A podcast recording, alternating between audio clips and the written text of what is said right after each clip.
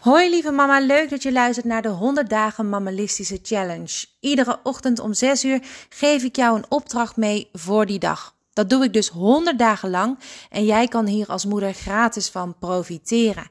Ik doe dit om jou als moeder kennis te laten maken met het mammalisme. Iedere dag maak je kennis met een klein stukje uit de training die ik voor jou aan het ontwikkelen ben. Hopelijk word jij hier net als ik heel blij van. Het is alweer een tijdje geleden dat we iets in ons huis hebben gedaan.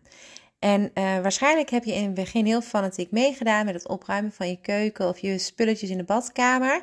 En vandaag is het eigenlijk zo'n moment dat je eens door je huis gaat lopen. Pak een mandje. Een grote mand kan ook. Ik weet niet hoe rommelig het bij jou binnen is. En daar stop je alles in wat je tegenkomt, wat eigenlijk niet op de plek ligt.